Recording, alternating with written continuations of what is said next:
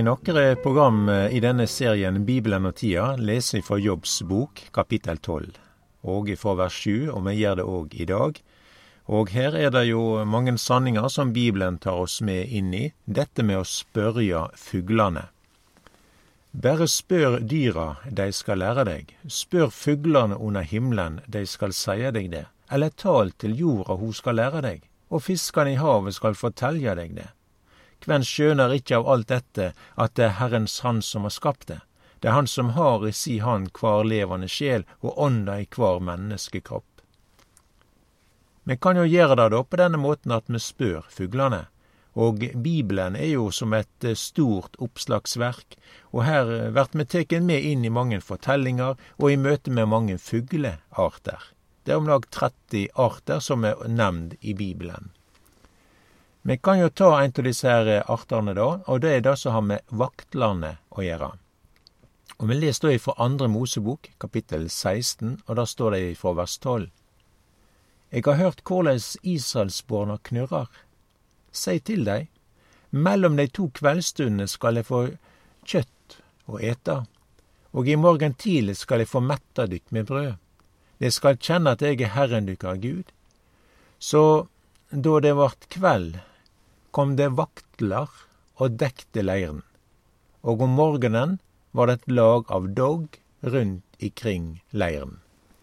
Dette er jo da henta ifra da når israelsfolket gikk ut ifra Egypt, og de var da mot vei mot løfteslandet, Kanaan. Det var jo Gud eh, som hadde gjeve eh, landet, deira fedrene, da.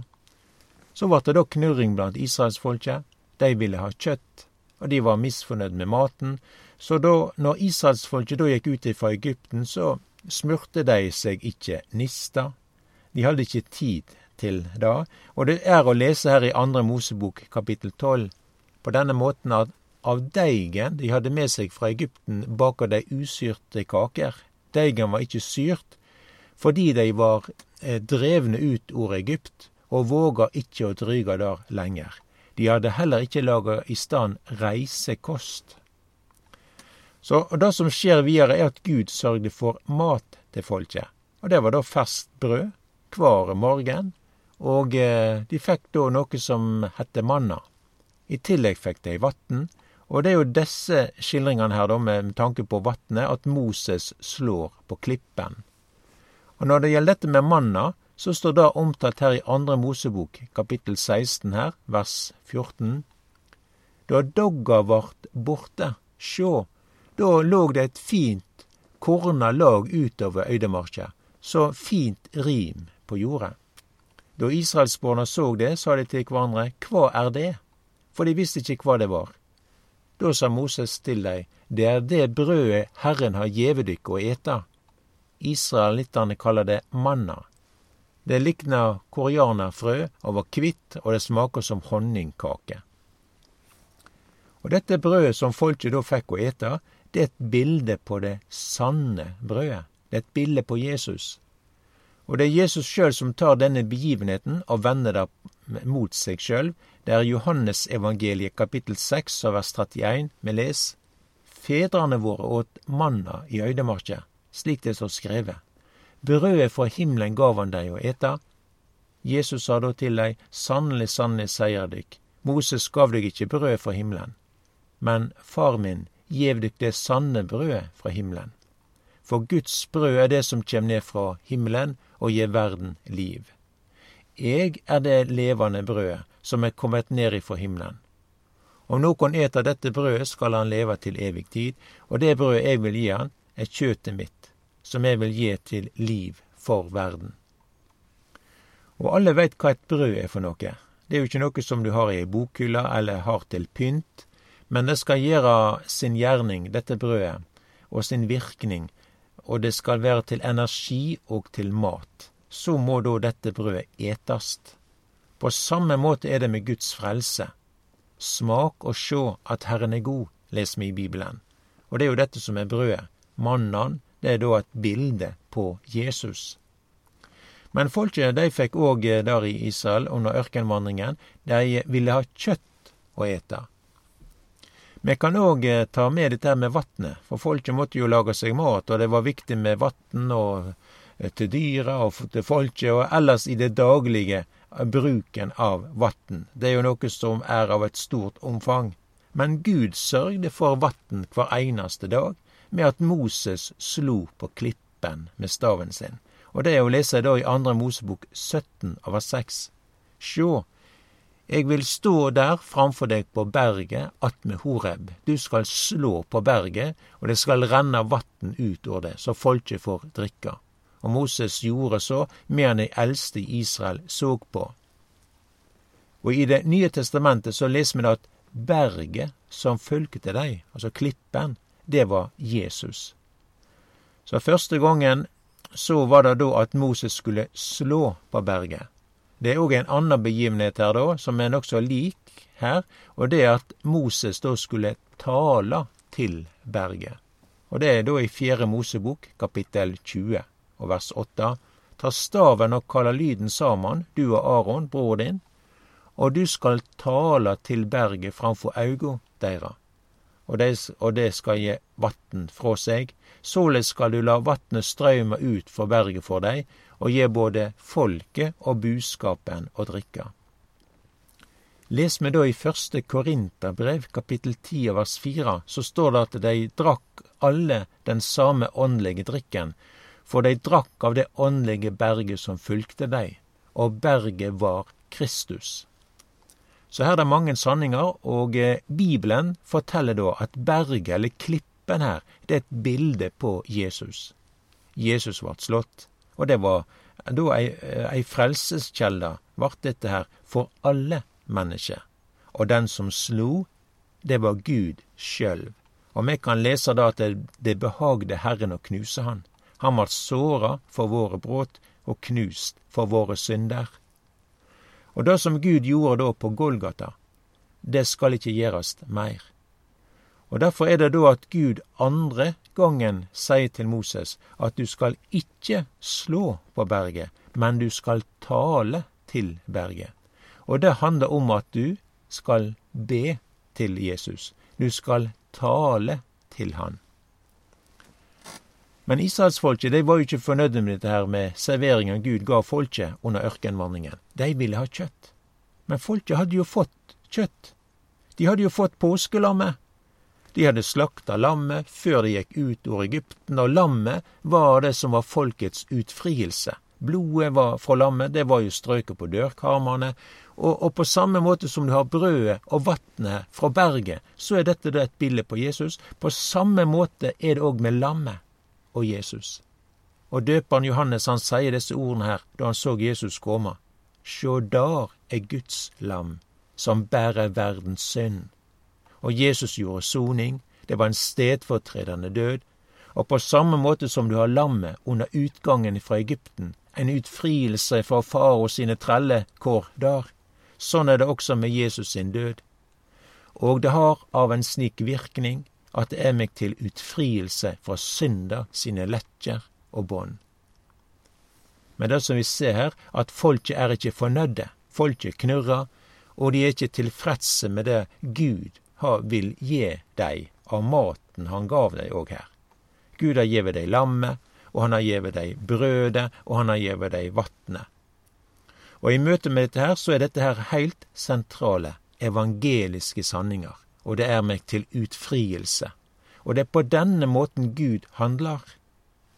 Men israelsfolket gjør det samme som vi mennesker gjør. En søker andre ting. Hvorfor gav Gud folket eh, disse vaklene?